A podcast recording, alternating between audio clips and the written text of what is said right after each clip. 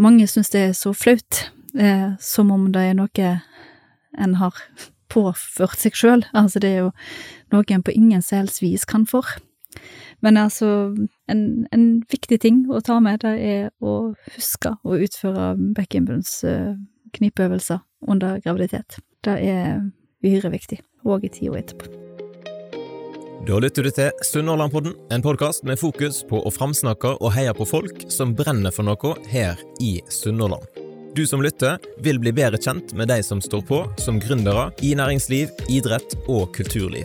Målet mitt er at podkasten skal bidra til en framsnakkingskultur, bulyst og økt kjennskap til alt det spennende som skjer i Sunnhordland.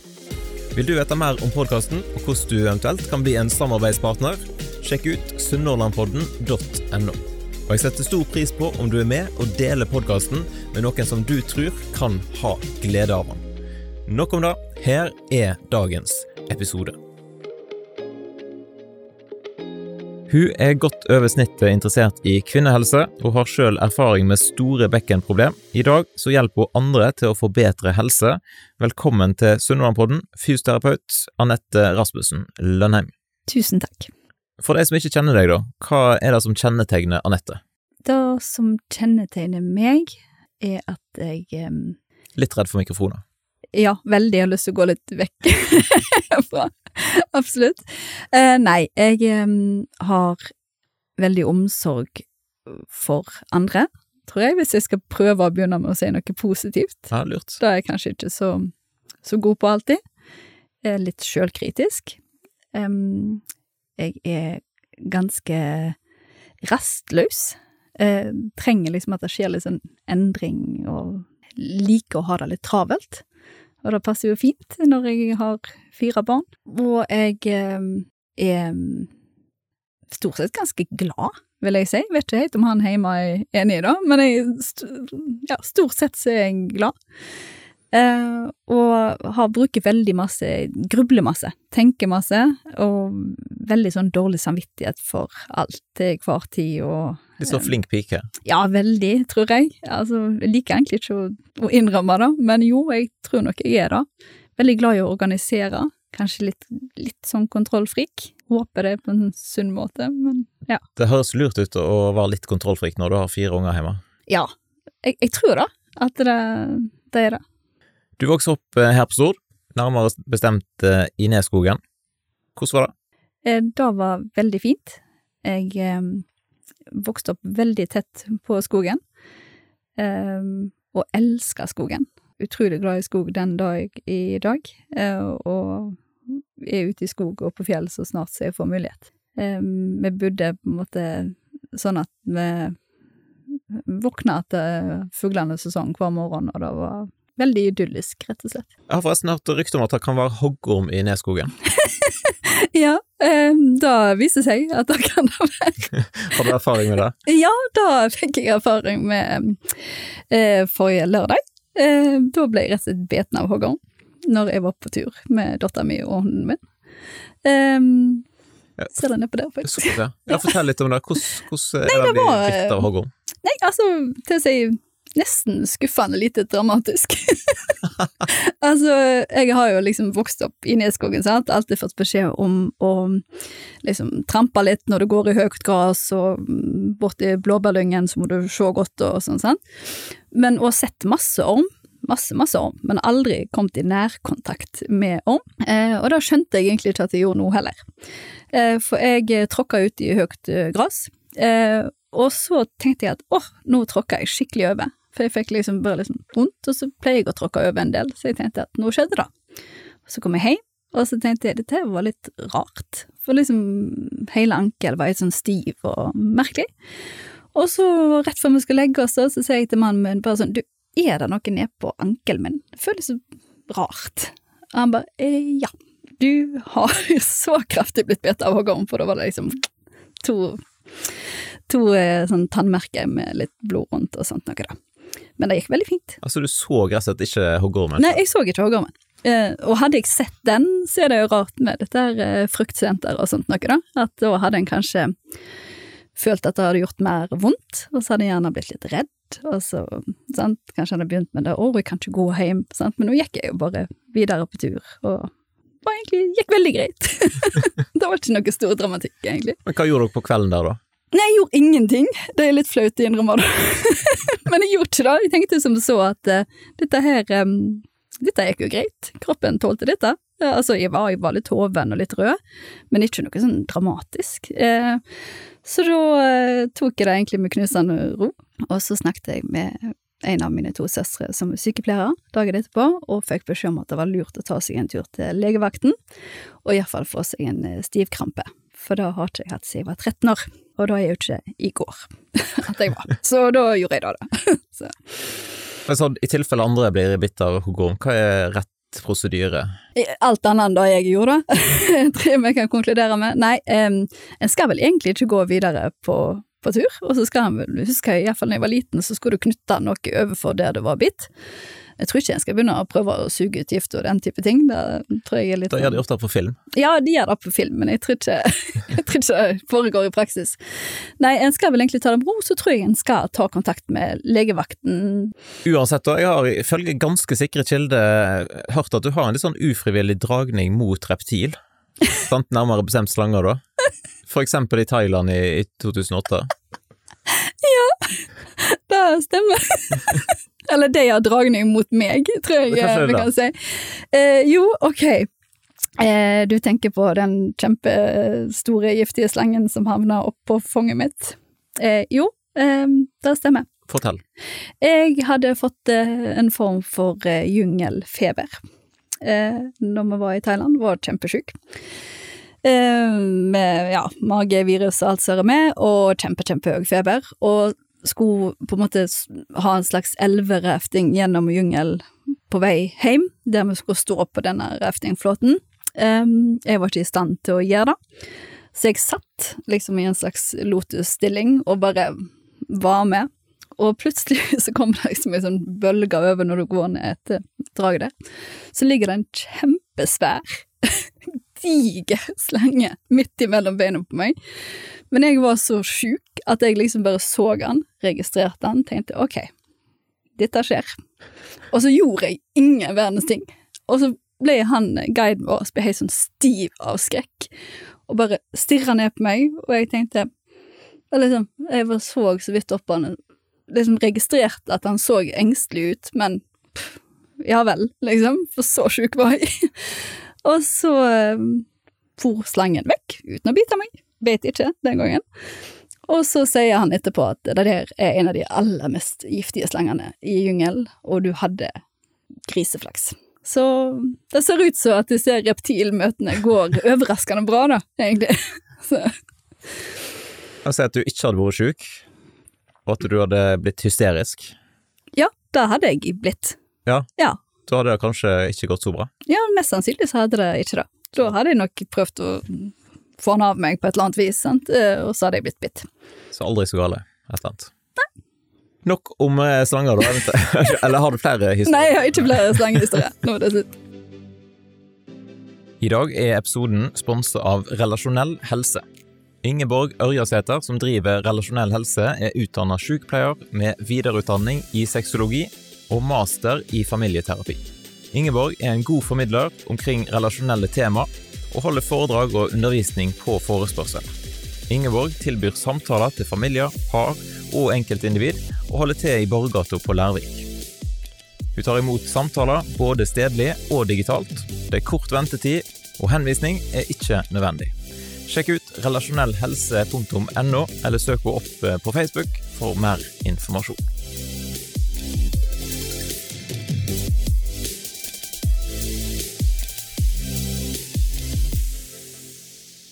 Men hvis vi går tilbake igjen til, til oppveksten, da. Når kom interessen for anatomi og funksjon og fysiologi? Jo, den tror jeg jeg hadde fra jeg var ganske liten av. Jeg, pappa han abonnerte på Illustrert vitenskap eh, hele min barndom, og jeg eh, husker at jeg satt eh, fra jeg var sånn tre–fire år og bladde i dette her, og syntes det var så gøy når det handla om kropp og hvordan liksom, ja, om ulike sykdommer, om hvordan ting fungerte. Eh, så det var vel der det først kom. Og så vokste jeg jo opp med en far eh, som eh, hadde, eller har, eh, polio, og der på en måte musklene på ene, ene foten er ramma av eh, polio, og liksom alltid fundert masse på dette her med muskelfunksjon og hvordan, på en måte, hvordan dette henger sammen. Så jeg var vel ikke eldre enn 14, tror jeg, før jeg første gangen tenkte at jeg hadde lyst til å bli enten fysioterapeut eller da lege, var det vel jeg sto mellom da. Ja, hva som gjorde at du landa på fysioterapi? Ja, hva som gjorde det? Jeg var veldig glad i å være aktiv. Ikke sånn kjempe treningssenter og den type ting, men veldig glad i å, da, å være, gå tur og gå på fjellet og liksom Ja, nok en gang tilbake til dette at jeg er litt rastløs. Eh, ikke god på å sitte i ro. Eh, så det var vel kanskje det som gjorde at jeg helte den retning. Du valgte å studere fysioterapi i Trondheim. Ja. Hvordan var det å studere i Trondheim? Vet du hva, det var helt, eh, helt fantastisk. Trondheim er jo kjent for eh, studiemiljøet sitt, og da med god grunn. Det var Hadde så utrolig fin gjeng i klassen, og det var mm, Bodde nede på, på Mølberg. Eh, og det var liksom så Nei, eh, hele den tida bare husker jeg som en sånn drøm. Ja. Det var Kunne ikke vært bedre. Trondheim er jo en veldig fin by. Ja, det er en nydelig by.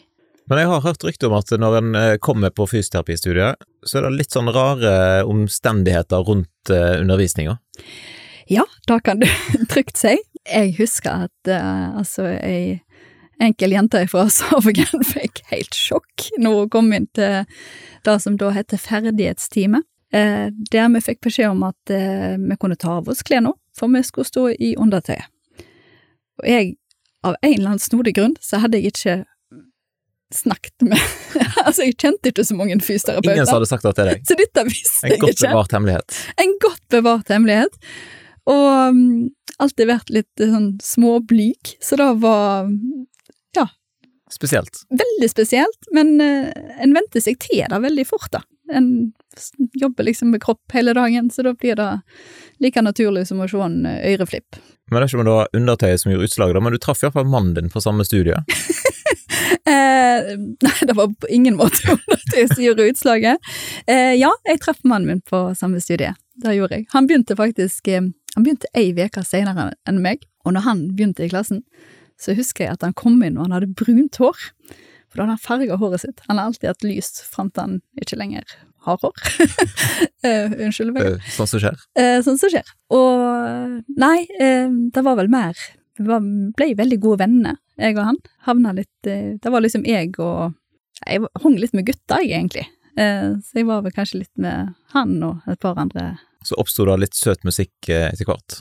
Ja, smått om senn. Det gikk, eh, det gikk en stund før, egentlig. Altså, vi var liksom Det var noe gitarspilling og sånt noe på en eksamensfest, og så husker jeg reiste hjem til Stord, og så tenkte jeg kanskje på han på en litt annen måte enn det jeg hadde gjort før, og så tenkte jeg at hm, det er noe rart, for er bare, er bare venner, og så ble det noe Så ble det dere til slutt. Det ble oss til slutt. Ja. Men det ble litt sånn utfordrende, for etter studiet så skulle en ha eh, sånn praksis, eller hva heter, det heter så masse som eh, Turnus. turnus. Ja. Ja, det bøy på litt av hvert. Først eh, så tenkte jeg at det var en tragedie, nærmest, men så ble det jo riktig så bra. Eh, det er sånn at når du skal ut i turnus, så trekker du eh, om, om plass. Så da er det liksom sånn ja, får du et godt nummer, så får du velge først, og får du et dårlig et, så får du velge helt til slutt. Ja, hva nummer fikk du? Jeg fikk det dårligste du kunne få. Jeg ble nummer 55 av 55. Og jeg sto da igjen med praksisplass i Loppa. Og det var da din eh, kompis, eller bekjente, Øyvind Nevø, tror jeg vi kan si, faktisk. Det nivå? Ja. Oi, da kan jeg iallfall ikke si Eh, Nei, det var faktisk han som hadde ønska seg den plassen inn på, på lista, men så hadde han ombestemt seg, så han tok ikke den. Men, og der sto jeg med loppa. Og en del av arbeidsbeskrivelsen for da å ha eh, turnus i loppa, det er at du må være kapabel til å kjøre båt. For du skal da kjøre en slags fysiobåt mellom de ulike øyene. Det høres ut som et eventyr. Eller et mareritt. Noen ville sagt eventyr, men jeg var veldig på mareritt, for jeg liker veldig godt å ha liksom kontroll på ting, på hva som skulle skje. Men så var det egentlig veldig greit, da, til syvende og sist, at jeg fikk den eh, turnusplassen, for jeg eh, ble gravid, og så søkte jeg permisjon eh, fra turnus, og så jobba jeg på en ungdomsskole mens mannen min fullførte sin turnus i Ålesund. Og når permisjonen min var over, så hadde de slutta å ta imot turnusfysioterapeuter i Loppa, for det var ikke nok pasienter, enkelt og greit. det var ikke noe å gjøre på. Kan ikke bare kjøre båt hele dagen. Eh, så da var jeg kjempeheldig, og så fikk jeg turnusplass like ved der vi bodde da, som var i Kristiansund. Og det var litt på den tida at du fikk opp øynene for kvinnehelse? Ja, det stemmer. Jeg hadde første halvdel av turnusen min i en plass etter Battenfjord, og andre halvdel den hadde jeg på Muritunet, som er et rehabiliteringssenter.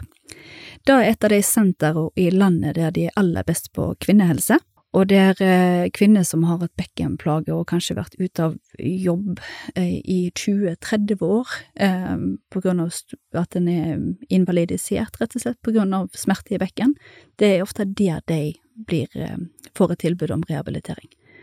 Så der lærte jeg kjempemasse om kvinnehelse, og jeg var jo eh, sjøl gravid med nummer to når jeg var i turnus der.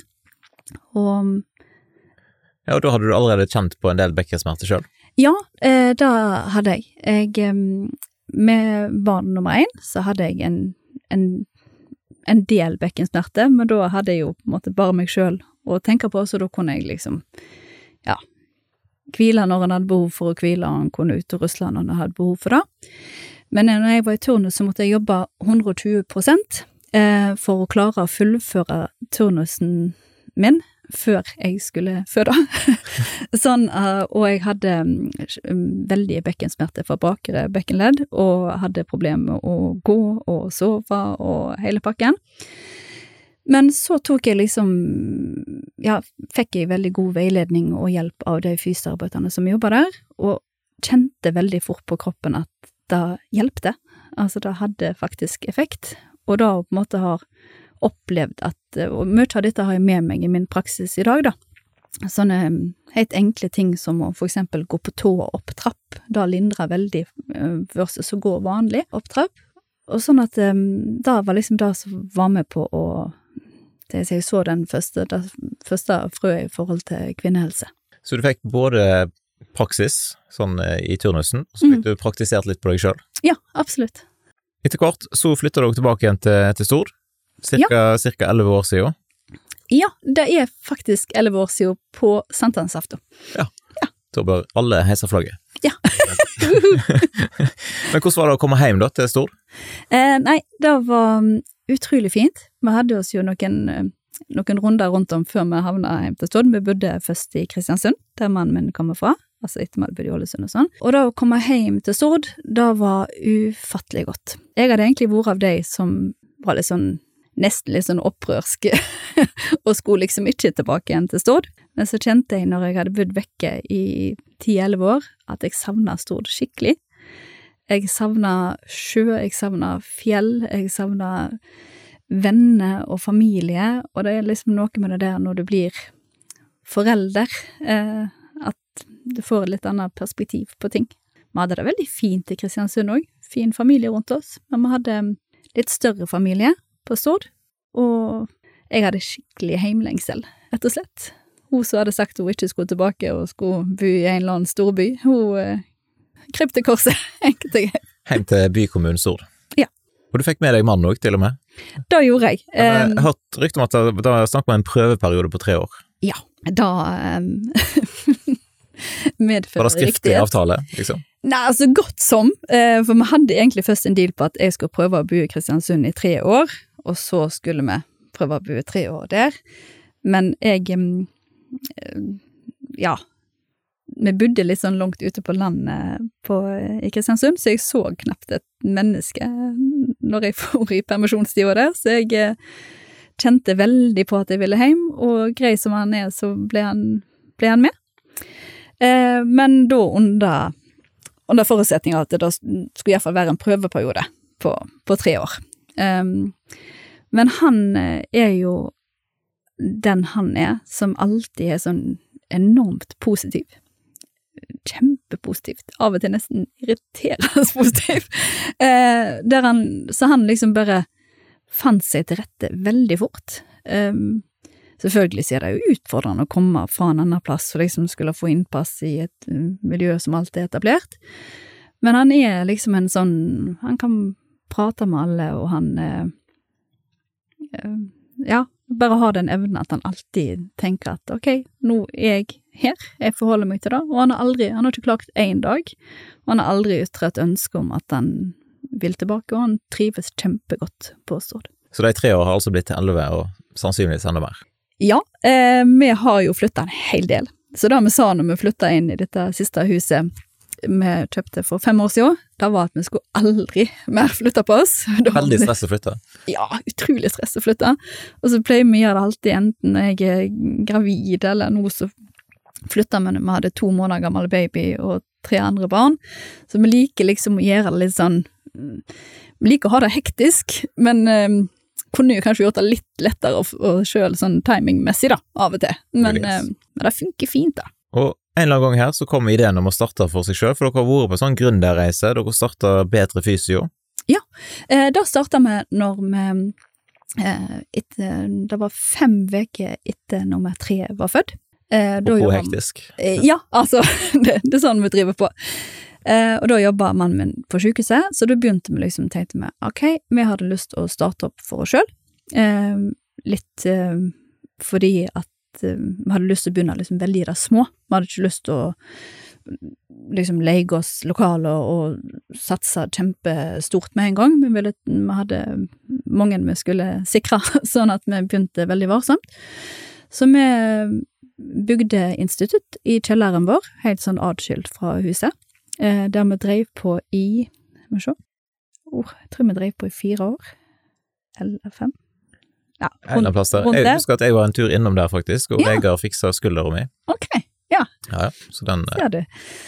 Nei, vi drev på der i noen år, og så er det noe mm, rart med det når ungene på en måte vokser til, og de tramper litt mer i gulvet og sånt noe. Um, så følte vi begge på at det ble liksom kanskje litt tett innpå eh, familielivet.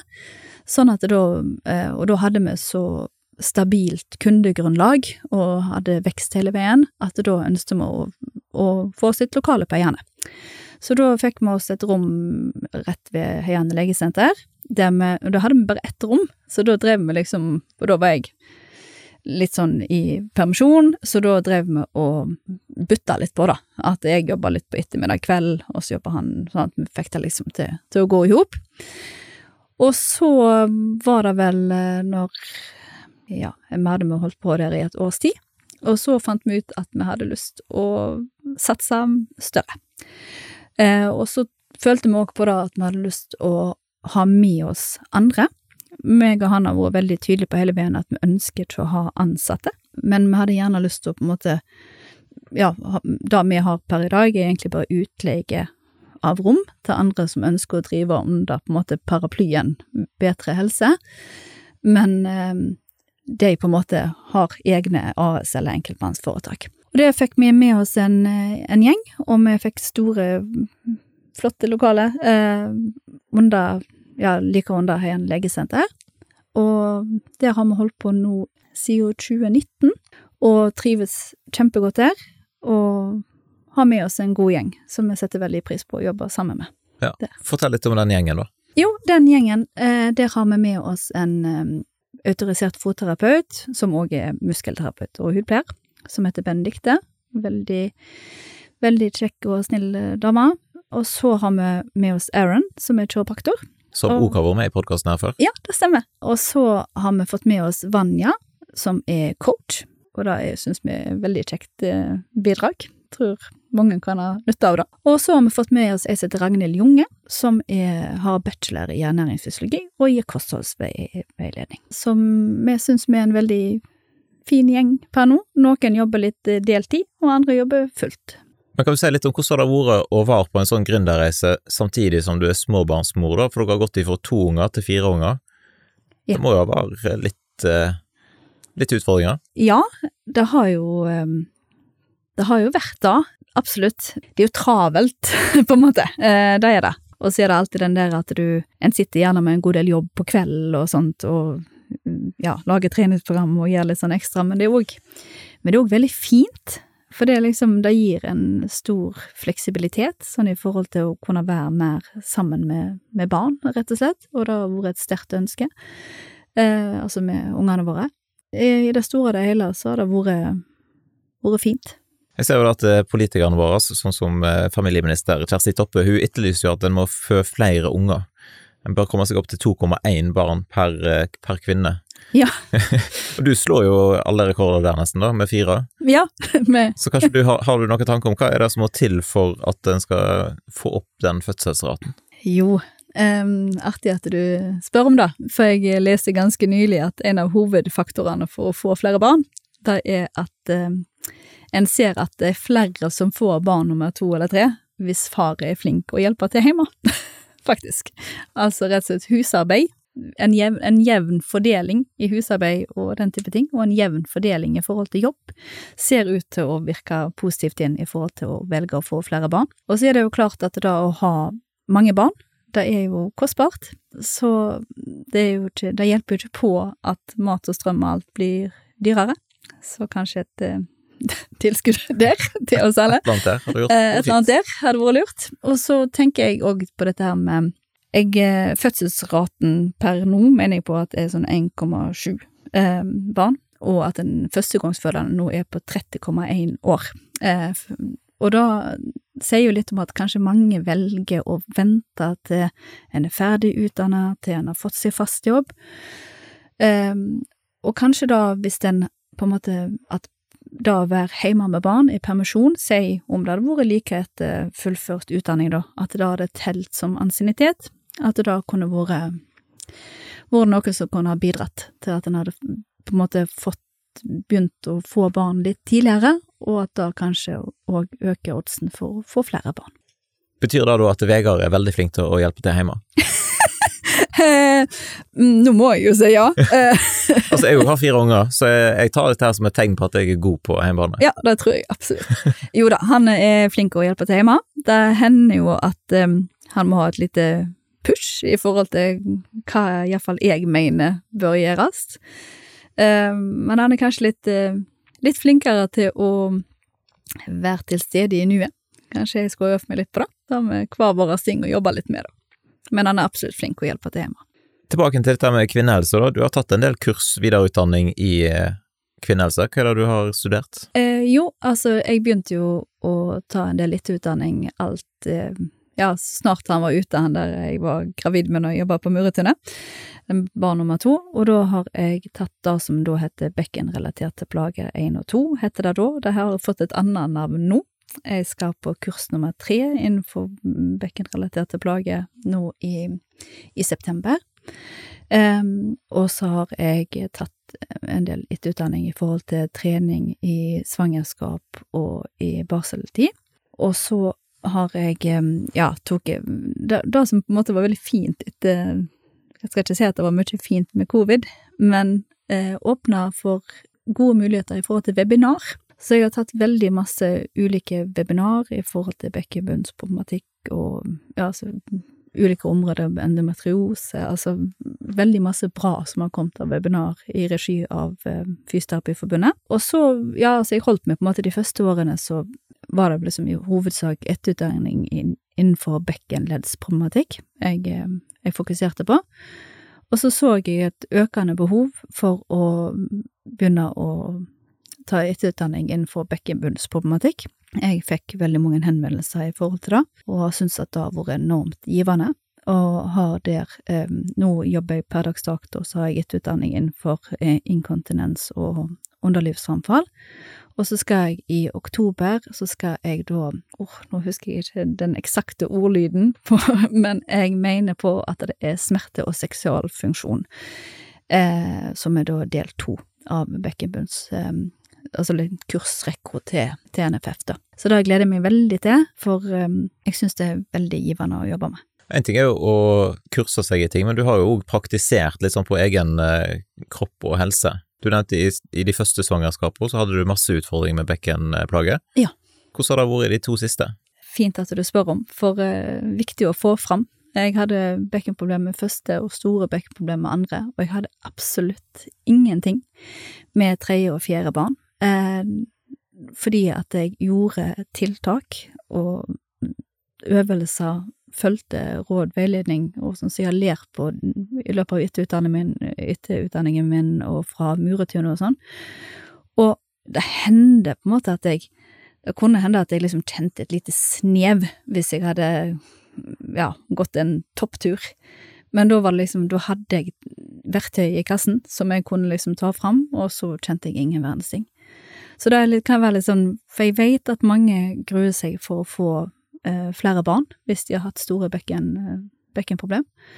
Men for mitt vedkommende så var det liksom eh, litt sånn solskinnshistorie, da, i forhold til at det går veldig fint an å, å unngå bekkenproblem med eventuelt ved flere fødsler hvis en får hjelp og veiledning underveis, og iallfall kunne lindre symptomene. Arbeidshverdagen i dag, da, hvordan, hvordan ser den ut? Hvem er det som typisk oppsøker deg? Jo, jeg må nesten si i dag da at jeg jobber med andre ting enn enn kvinnehelse. Jeg tar imot eh, alle som ønsker å komme, eh, både kvinner og menn. Eh, sånn at, eh, men i forhold til kvinnehelsebiten da, så er det jo eh, ofte gravide som har bekkenbunnsproblematikk. Jeg har dessverre òg en del som kommer i tida etter fødsel, for det, det er ikke gitt at eh, bekkenproblemene forsvinner. Eh, for hos de aller fleste så gjør det det. Men hos de som, måte, særlig de som har det en kaller for bekkenleddsyndrom, altså når en har smerte for alle tre bekkenledd, de har litt dårligere odds i forhold til å bli kvitt bekkensmertene etter fødsel. Eh, så liten sånn oppfordring der, eh, at det er veldig lurt å oppsøke hjelp mens en er gravid. Men det er absolutt mulig å hjelpe, hjelpe fremdeles.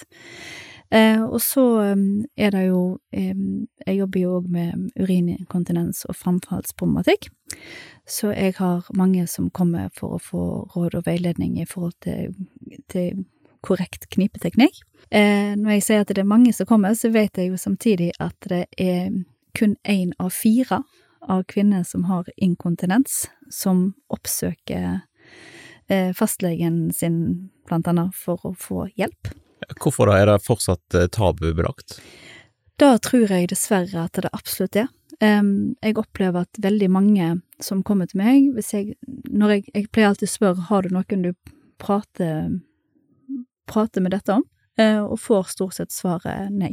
Ofte så kan det være at de ikke engang har sagt det til, til, mannen sin, at de sliter med dette. Uh, sånn at det er Ja, jeg tror absolutt at det er tabu. Jeg vet at uh, blant menn, for menn kan jo ha urininkontinens, uh, så tar det gjennomsnittlig to år før de oppsøker hjelp. Såpass. Er det lurt? Nei, det er på ingen måte lurt. Men det er nok på en måte Altså, i forhold til dette med inkontinens og sånne ting, så er det liksom En kan jo òg være inkontinent i forhold til luft, altså såkalt flatulens, en kan være inkontinent i forhold til avføring. Og det er på en måte for mange så, så vondt og så vanskelig å skulle på en måte gå og prate med noen om det for å få hjelp, at en, en lider i stillhet. En, en kjenner skam, tror jeg. Men er ikke det helt normalt, da, å oppleve den type plager som du beskriver? Jo, nå er det på en måte et, et ganske stort skille mellom hva som er normalt, og hva som er vanlig. Eh, mange kommer til meg og har fått beskjed om at det er helt normalt å ha lekkasje etter fødsel. Ja, det er vanlig for én av fire eh, opplever lekkasje eh, første året etter fødsel, men det er ikke normalt. Det normale vil være at en ikke skal leke urin, men at en skal kunne være tett. Eh, så det er liksom viktig skille der, at en, en skal ha rett til å få hjelp. En skal ikke på en måte normalisere at, liksom at dette er helt ok å ha det sånn, for det er det ikke. Det kan føre til stor grad av sosial isolering. Jeg har forholdsvis unge jenter som kommer og forteller om at en, en går ikke lenger tur med venninnene sine, for en er så redd for å ha lekkasje. Det er så flaut når det viser gjennom når en går på tur. eh, så det kan være enormt hemmende, og det er veldig viktig at en får hjelp. Ja, hva er det som kan hjelpe, da? Altså i enkelte tilfeller, hvis det er snakk om store fødselsskader, og så hender det at en må um, ha operasjon. Men førstehåndsinngrepen, eh, da er uh, knipetrening, altså bekkenbunnstrening. Eh, det er sånn at rundt 25% de får ikke tak i bekkenbunnsmuskulaturen i det hele tatt. Og rundt 35% de presser ned istedenfor å, knipe og løfte opp. Så da å vite at en på en måte kniper korrekt, da vil være enormt viktig for mange. For det er mange som er kjempeflinke og pliktoppfyllende i tida etter fødsel, og det er en kniper og kniper og kniper, men hvis en kniper feil, at en heller presser nedover, så overstrekker en bekkenbunnsmuskulaturen sin istedenfor å styrke den. Ja, gjør det vondt verre, da? Ja, en kan faktisk gjøre vondt verre. Hvis en tar i skikkelig og skaper buktrykk nedover, så setter du bekkenbunnen på strekk, framfor å på en måte kontrahere den og løfte den, som er det en er ute etter.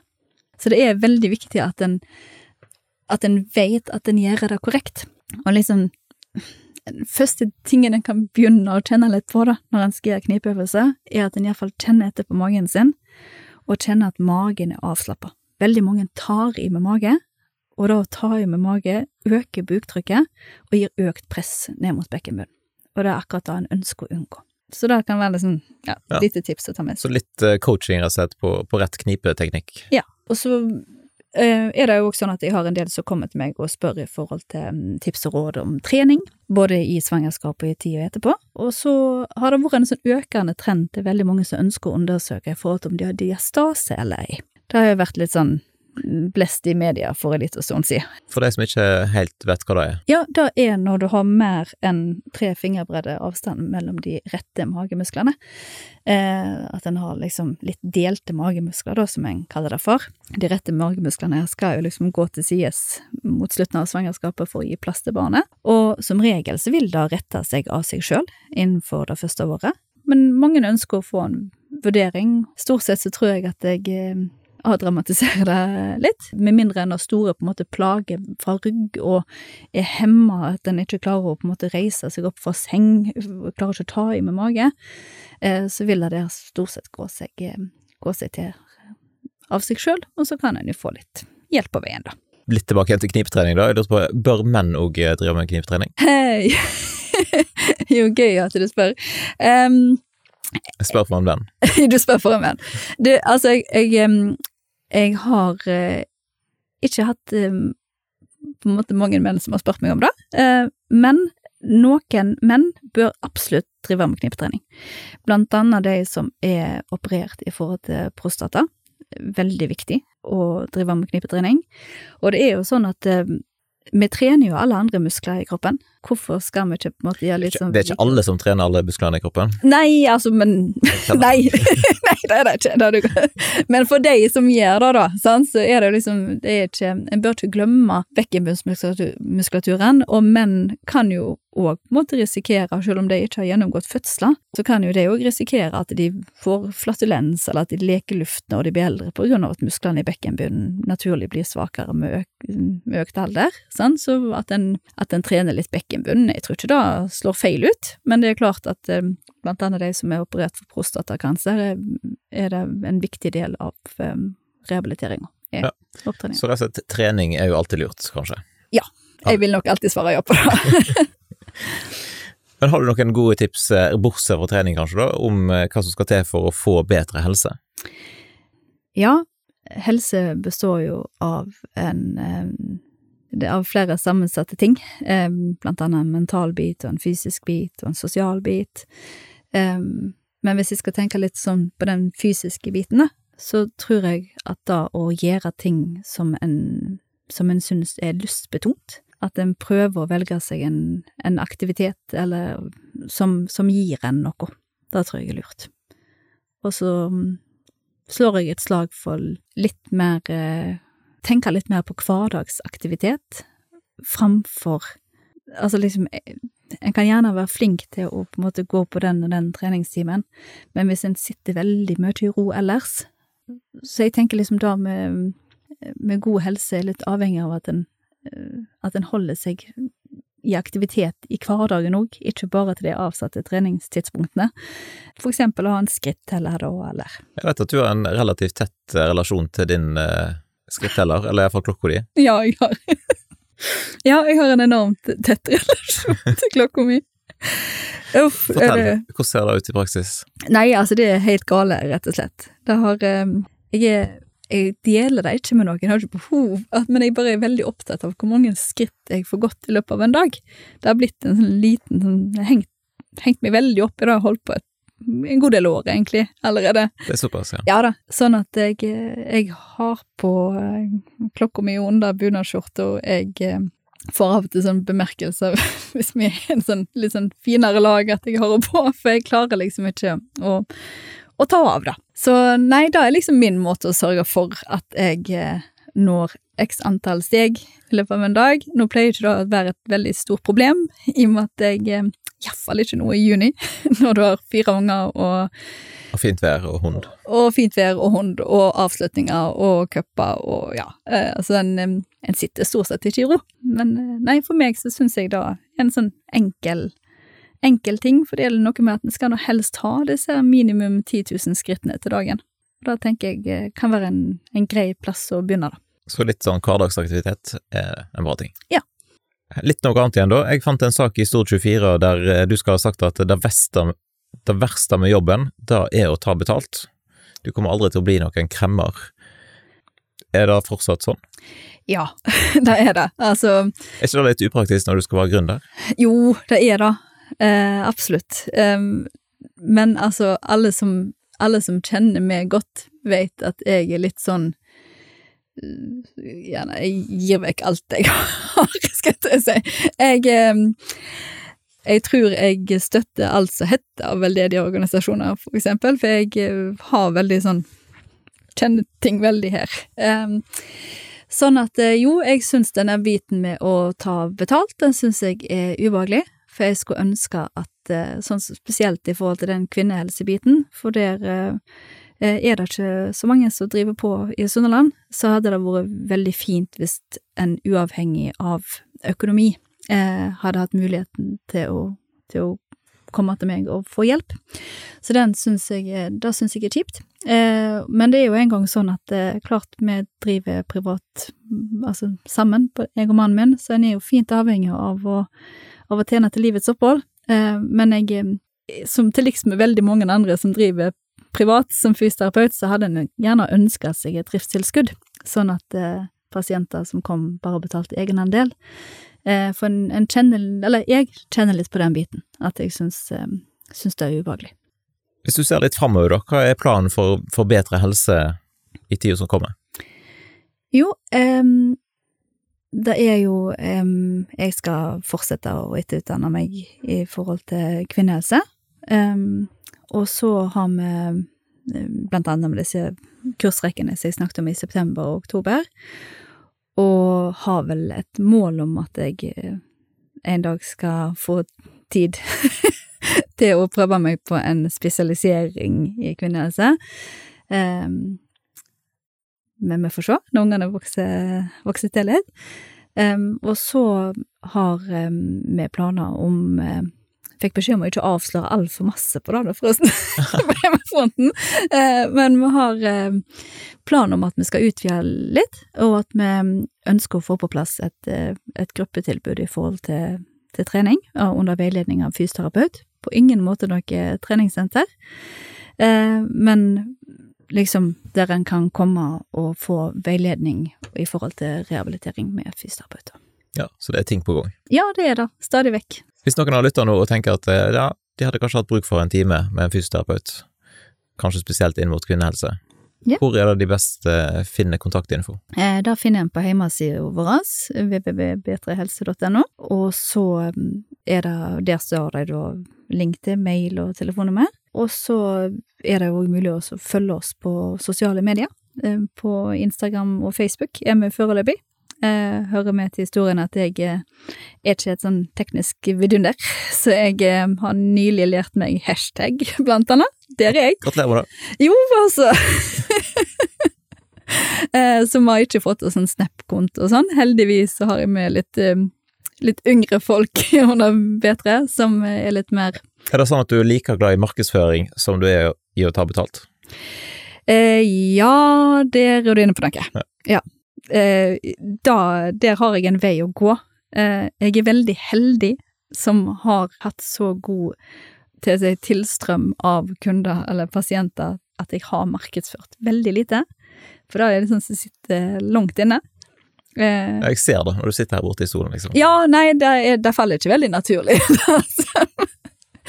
eh, men eh, der skulle jeg vært litt flinkere. Men jeg har eh, blant annet vært i kontakt med, med fødeavdelinga på sykehuset og med neuroterapeut på Stord sykehus, sånn at jeg får en del eh, som har blitt anbefalt meg derfra, og liksom gjennom ganske mange år med å arbeide med dette, så har jeg liksom eh, Nei, jeg er veldig takknemlig for at jeg har et så stabilt eh, kundegrunnlag, Ja. til tross for veldig lite markedsføring. Men der kan jeg bli flinkere med å få Det er jo tydeligvis, altså hvis en av, og det var én av fire du sa, oppsøker hjelp, Ja. så er det jo et behov, og du sitter med kompetansen.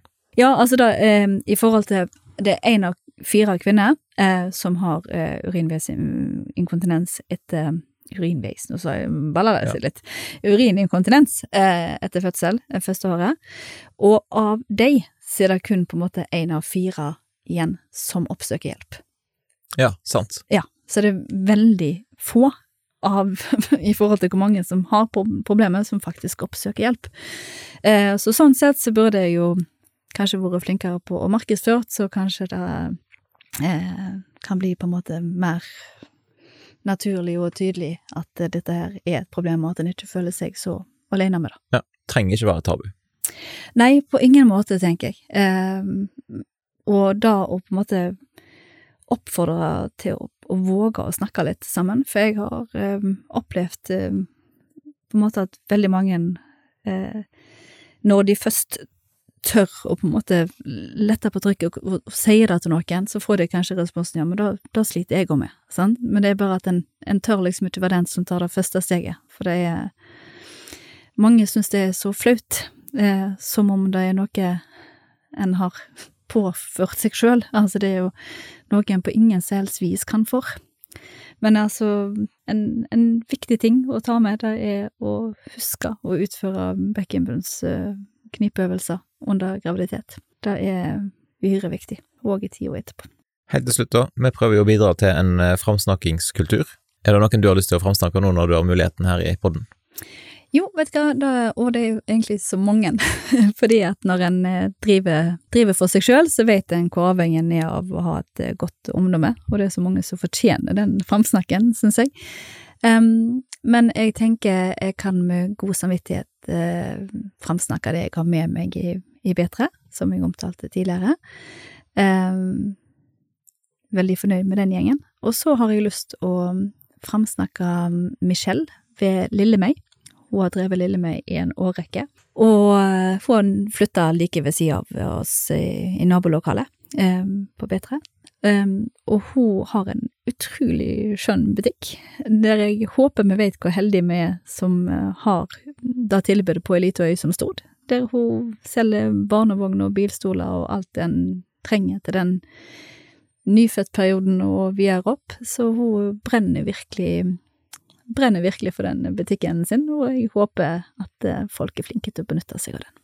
Glimrende. Da sier jeg tusen takk for besøket her i studio, og så ønsker vi lykke til videre med utvikling av bedre helse. Tusen hjertelig takk.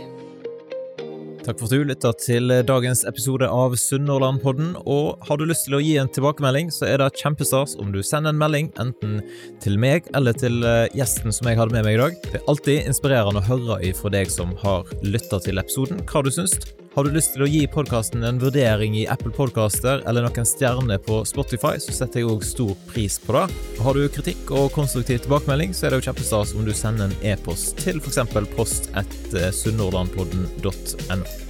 Og Hvis dette var første gangen du lytter til podden, så håper jeg da at du har lyst til å sjekke ut eh, flere episoder i arkivet. Det er så mange gode folk fra Sunnhordland som har vært innom studio og delt om det som de brenner for. Og Jeg håper da at du har lyst til å slå følge med podkasten i sosiale medier. Du finner oss på Instagram og på Facebook. Det er òg veldig flott om du har lyst til å sende inn ønsker og tips om personer som du mener bør være med i podkasten framover. Da ønsker jeg deg en fin dag, og så poddes vi plutselig igjen hvis alt går etter planen.